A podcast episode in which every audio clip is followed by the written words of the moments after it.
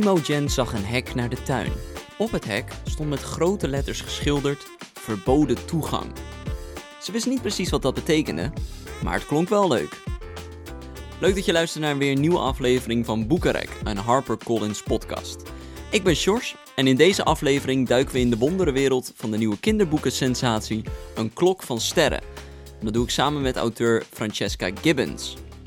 Als kind was Francesca Gibbons altijd al een groot verhalenverteller. Ze was gek op verhalen zoals Peter Pan of The Chronicles of Narnia en schreef zelf verhaaltjes die haar zusjes vervolgens mochten naspelen. Deze verhaaltjes groeiden uiteindelijk uit tot het spannende en magische verhaal Een Klok van Sterren. Het eerste deel in deze serie, genaamd De Schaduwmot, verscheen eerder dit jaar en is nu al een groot succes bij kinderen. Maar Francesca Gibbons weet nog niet helemaal zeker waar de rest van het verhaal haar heen zal leiden. Glad to be joined on the Boekenrek podcast this week by the author of the new children's book series A Clock of Stars, Francesca Gibbons. Welcome. Hello, thanks for having me. How are you? I'm well, thank you. Yeah, really excited to be here, and like I said, I'm I'm excited to be talking to somebody in lockdown across the other side of the sea. It's yeah, it's really exciting. Have you been uh, confined to home lately? Um, so the lockdown has been eased uh, in my part of England for quite a few months, but I've sort of in a self-imposed lockdown um, because I can really, and it doesn't feel like a good idea to be going out too much. No, just a precaution then. Yes, exactly. Yeah. And how has this year? It's been it, has been quite a year. Uh, how has it been? Uh, uh, how has it been for you so far? Oh, so strange. because I guess I had a vision of how uh, the year when my first book was published might go, and uh, obviously it didn't involve a, pandemic. Um, but I think on the whole, I've been so lucky because because um, I can write from home, and so many people can't obviously work from home, but um, my husband normally commutes for a couple of hours a day and he's working from home as well. So it's quite nice having him around.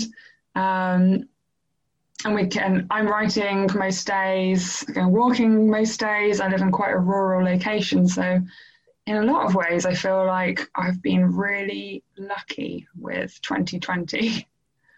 So you you can get just the whole experience of publishing and of writing and spending time with your family uh, just at home.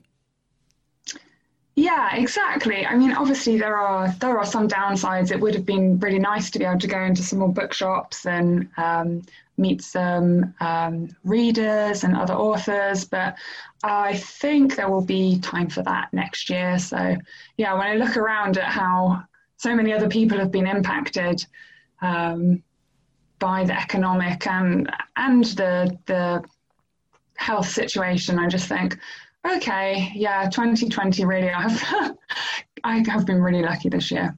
Yeah, and how how have you spend uh, been spending your days? Uh, so mostly writing because I've been working on my second book. Um, so there's been a lot of writing and then going for a walk to try and get some change of scenery, I guess, uh, and think about the writing. and then coming back, but it has, I think it's been the most, um, I don't think I've had a year where I've spent so long just doing one thing.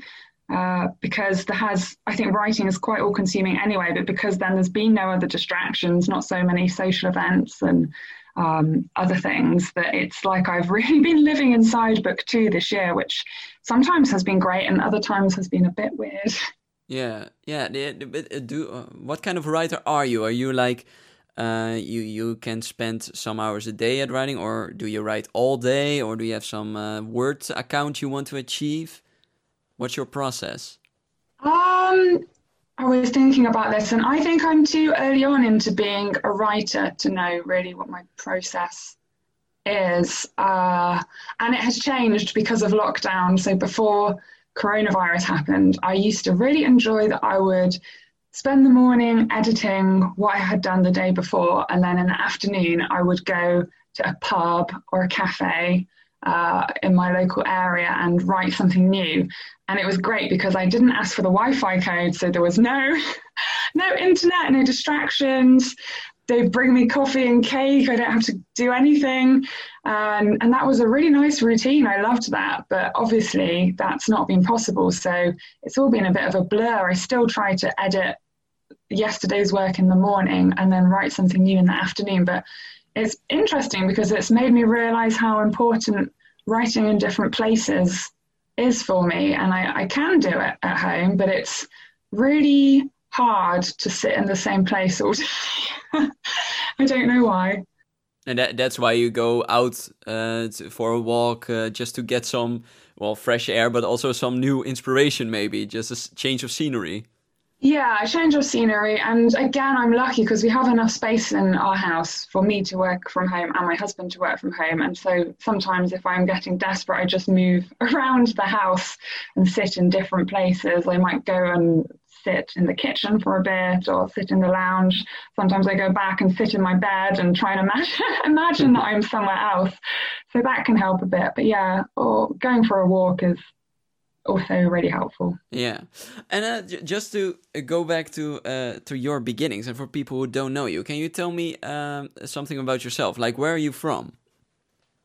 Um, so originally I'm from the Midlands, which, as the name suggests, is the mid the middle of England. Um, so uh, near uh, near Birmingham, if anybody knows of Birmingham. Yes. But um, I moved with my family when I was about 15 to Cheltenham, which is in the south of England, and I have been loitering around the south of England ever since. And now I live in the Cotswolds, which is a area of oh, what's the phrase Out, outstanding beauty or something like that. They call it like almost like a national park full of sheep.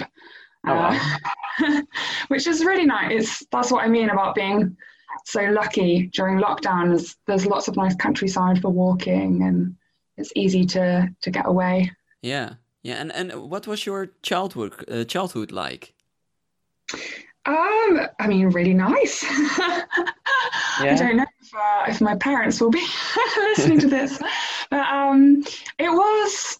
I, I'm the oldest of three girls, um, and I had yeah, I, I'm always saying that I was brought up surrounded by stories. So I, I think there were always lots of books in the house. My parents used to read a lot to us. I used to read a lot to my sisters. Um, and we were always putting on plays, a little bit like what happens with the sisters in A Clock of Stars. I was always writing stories and forcing my sisters to act them out. Um, so yeah, it was a creative childhood, I think, and my parents gave us a lot of space for creativity. I always we had this table in our house called the creativity table, which was always a complete mess, and it was a space that was allowed to be messy. You never had to tidy up all of the, you know, scissors and glue and things that we had been working working on bits of rubbish, bits of cardboard uh, could stay. That was like the mess table, and I think that was a really good idea. And uh, you, you said you, you read a lot, so you were a bookworm then as a child.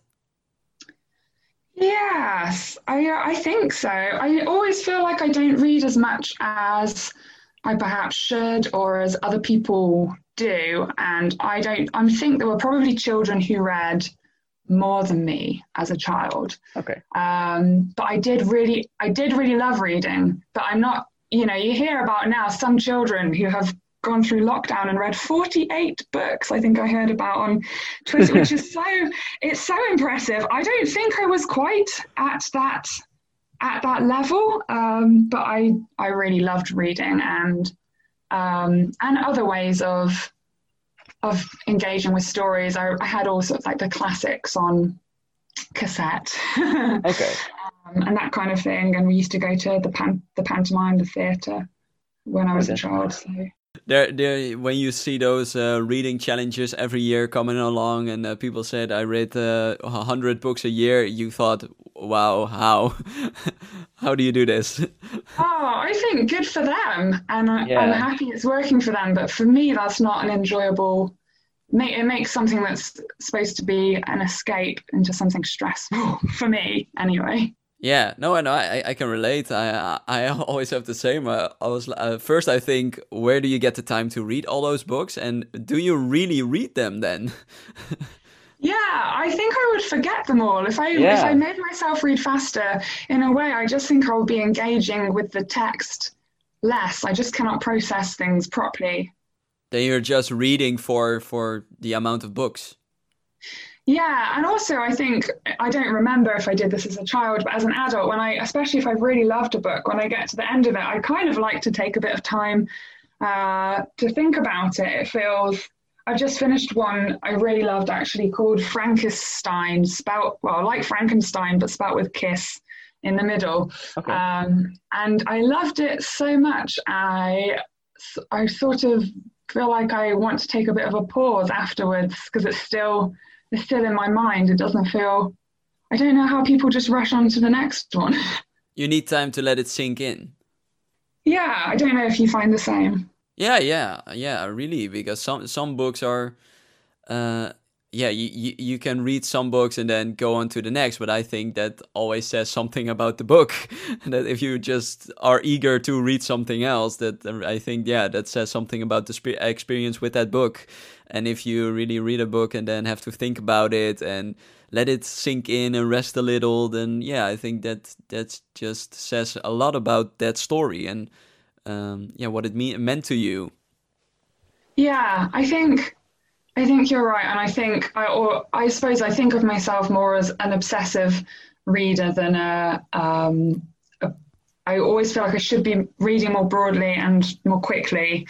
Um, but I also like I do like to revisit books. If I really enjoyed them, sometimes I will go and listen to the audiobook afterwards. Oh yeah. Um, yeah. Or I will try and read it to my husband if I can persuade him to listen. well, that's also nice. uh, but you said uh, you came up with stories and you had your sisters act them out. What kind of stories were those? Um, a lot. So my favorite books when I was growing up were the Narnia Chronicles. Yeah. Um, are they are they popular in the Netherlands? Yeah, they are. I have them here in uh, in my bookcase. oh, cool. Um, yeah. Yeah, I loved the Narnia books when I was growing up, and also my my all time favorite was Peter Pan, which I always think I need to say that now, as an adult, I I can see the problems with Peter Pan. Yeah. These are all such old books. They're uh, full of colonialism and other nasty things. But as a child, I loved them, and I loved them. And I think that's what I mean about being obsessive. Was those are those were my focus. And I think I used to make my poor sisters act out mostly those kind of stories. Uh, Peter Pan was a big favourite, and I really wanted mum and dad to have another child, maybe a brother, would make it easier to put on the play of Peter Pan. and what did your sisters think about that, about all your stories? Oh, I don't know. I never asked them. you were the oldest, so they just had to do it. yeah, I don't. I think they did enjoy some of them. I think I, I was, um, I was definitely uh, quite a forceful older sister. Um, and I think they did enjoy some of it, but definitely sometimes I was trampling over their desires. Um, yeah. Well, they lived through it, right? they are still alive. I can. Yeah. Just... so when when did the moment come that you thought, uh, well, um, it's it's nice that uh, that I can write some stories or have my sisters play out some stories, but I have to write something. When did that moment come? So I was I was always writing. I don't remember ever not writing stories down. Um, uh, so I I do remember having a typewriter. okay. Um, because I am maybe my generation is probably the last generation that I was about 12 or 13 when we got a computer. So before that, it was writing by hand and typewriters. So Um, I do remember I was trying to mass produce my stories on a typewriter. Um, I don't remember when that began. I, I think for, since I could write. Um, so when computers came along, I was really excited because now I could print off hundreds of copies and self-publish. Yeah, did you do that? Um, I I did. I I used to take them into um, my local primary school. So after I finished primary school, uh, it's normally about twelve, I think, when children in the UK move up to the the bigger school. Um, I used to go back to my primary school then and take along the stories that I had written and ask if they could be put into the into the libraries there. And the teachers were very obliging and let me let me do it. But looking back on it, I don't really know what got into my head. Who who did I think I was? I'm not quite sure. what kind of stories were those?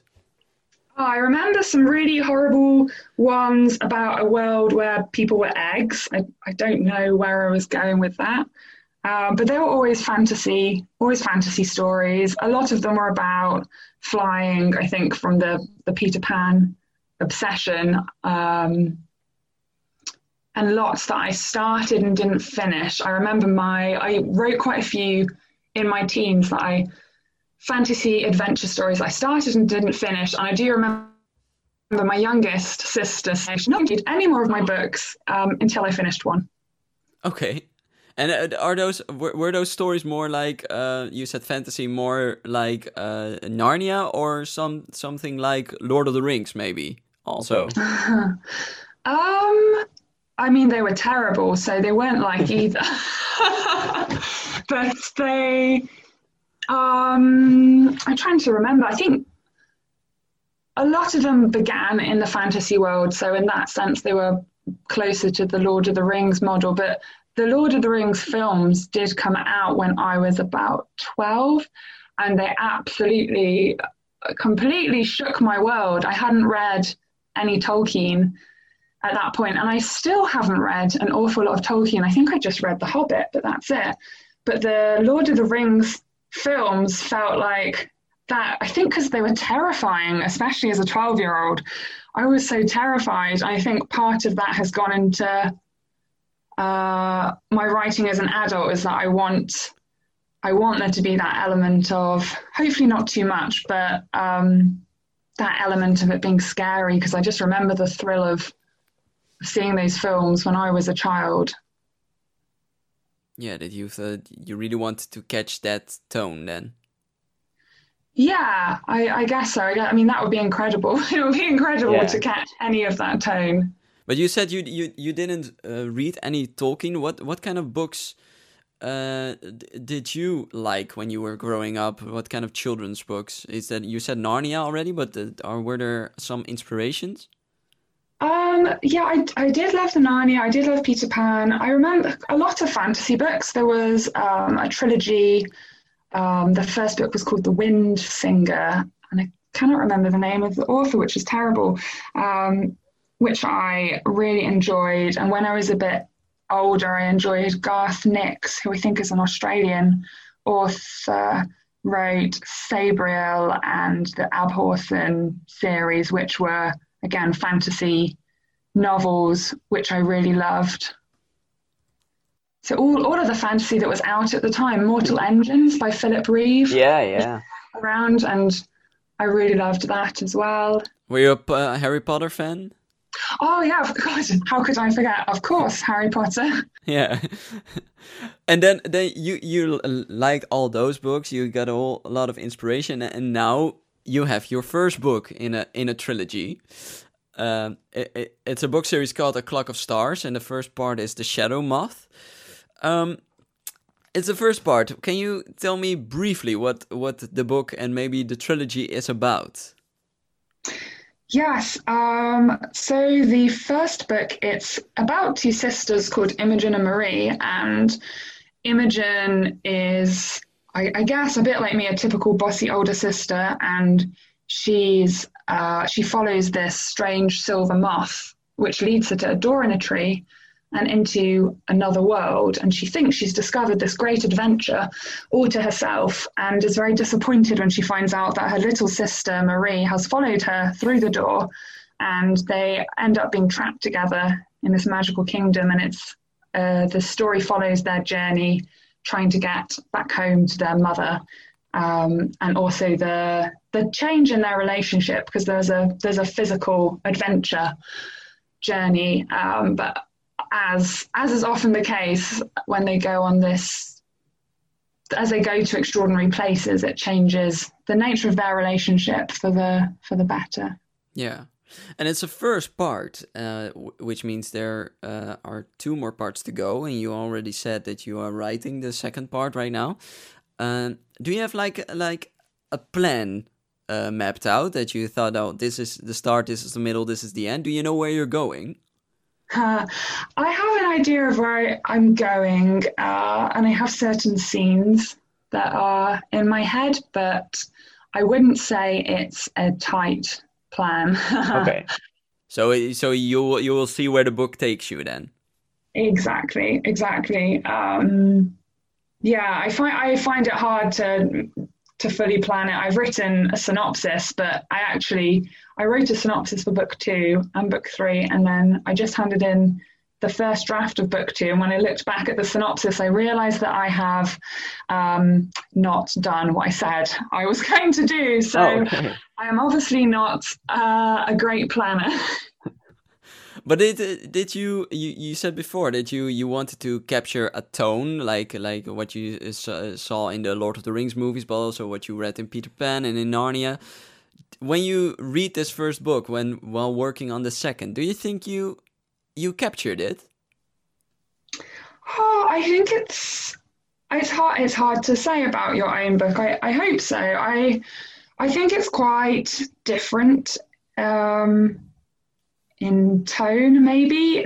Not necessarily from the narnia books because there's um, they they can be quite light-hearted as well. I think the Lord of the Rings, from the little I've read of the books and certainly from the films, is a slightly more serious tone throughout. Whereas I think uh, I've been told that my books, some okay. people find them funny, so I think there is a bit more.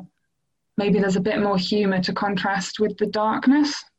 Okay, okay, so it's a little bit more lighthearted then. I think so. Yeah, yeah, and uh, the book is also it, it is your story, but there's also uh, a lot of illustrations by uh, really a lot of uh, of of uh, illustrations. Um, how did that process go? Did you uh, did you tell him how to design them, or did he come up with a plan based on reading the book, or how did that work?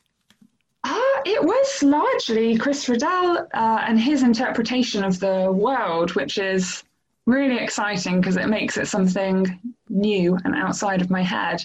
But there was um, there was a slight handover process because I tend to collect a lot of pictures whilst I'm writing, so. I um, I handed over to him my my best pictures. so if I had a picture that I thought represented a character okay, or or um, Yaroslav, the the city that in the magical world, or the forests, or the mountains. I would share those pictures with him at the beginning, um, so that he had the same reference points as me. Oh yeah. But then what he came back with was another layer of his imagination on top of that world. So it's I think he's created something. Um, yeah, that's definitely his own his own ima- uh, interpretation, which is exciting. And, and it feels really in keeping with the world but it's a it's a something new as well. And what was it like for you to to see those characters that you created now illustrated? Oh it's amazing. Yeah i i love it. It's because i didn't have a very clear picture in my head. I had certain attributes maybe that a character would have curly dark hair or um, or freckles or something but i didn't have very solid, as a solid picture of them in my head. So now that I have the Chris Riddell illustrations, that he has he's made what they look like, and I've got them stuck on my walls when I'm writing. So oh. that will be feeding into book two and book three. So it's it's a funny circular, a, a brilliant circular process because now his ideas will be informing the next books, which is Yeah. his work's incredible. So yeah, it's it's great. So your story inspired his illustrations. Now his illustrations inspires your writing. yeah, exactly. oh, Uh, that's, that's really nice. it's amazing. I yeah, really excited to to have him working on it. Yeah, and you said you are working on the second book now, uh, and it uh, didn't go as p- you planned before. Um, does that mean that uh, your third synopsis for book three is also being changed? I don't know. Um, I, I, my, my plan. It's possible that uh, my editor might disagree with this. I need to have a catch up with him. But um, my plan is to ignore the synopsis for book three and to just write it, um, and hope that nobody remembers that a synopsis even existed. okay, so uh, and, and how and how is the second book now coming along? Oh, I have finished the first draft, so I have I have the complete plot, um, and now it's a question of working with my lovely editor to to perfect it. Hopefully. So we have that uh, to look forward to, and uh, for now we have. Uh, yeah, I, I urge everyone to go read uh, the first part, the Shadow Moth of uh, a Clock of Stars trilogy. It will be a trilogy, right? Or will there maybe a fourth? Uh, I th- I am thinking of it as a trilogy at the moment, for Okay. sure. I'd find it hard to think that far ahead. Okay, okay. Well, then it's the first part of a trilogy uh, of A Clock of Stars, The Shadow Moth. Francesca Gibbons, I really want to thank you for uh, your time today in, in this podcast. Thank you. It's been really good fun. Ben je nou ook zo enthousiast geworden over deze nieuwe kinderboekenserie? De Schaduwmot, het eerste deel in de Klok van Sterren serie, is nu overal verkrijgbaar. En dat was het weer voor deze aflevering van de Boekenrek podcast. Voor meer gesprekken vind je ons op Apple Podcast, Spotify en alle andere podcast apps. Als je daar ook meteen even een 5 sterren review voor ons achterlaat, kunnen nog meer mensen genieten van gesprekken met hun favoriete auteurs. Voor nu wens ik je nog een fijne dag, blijf gezond en blijf vooral lekker lezen. Tot de volgende keer.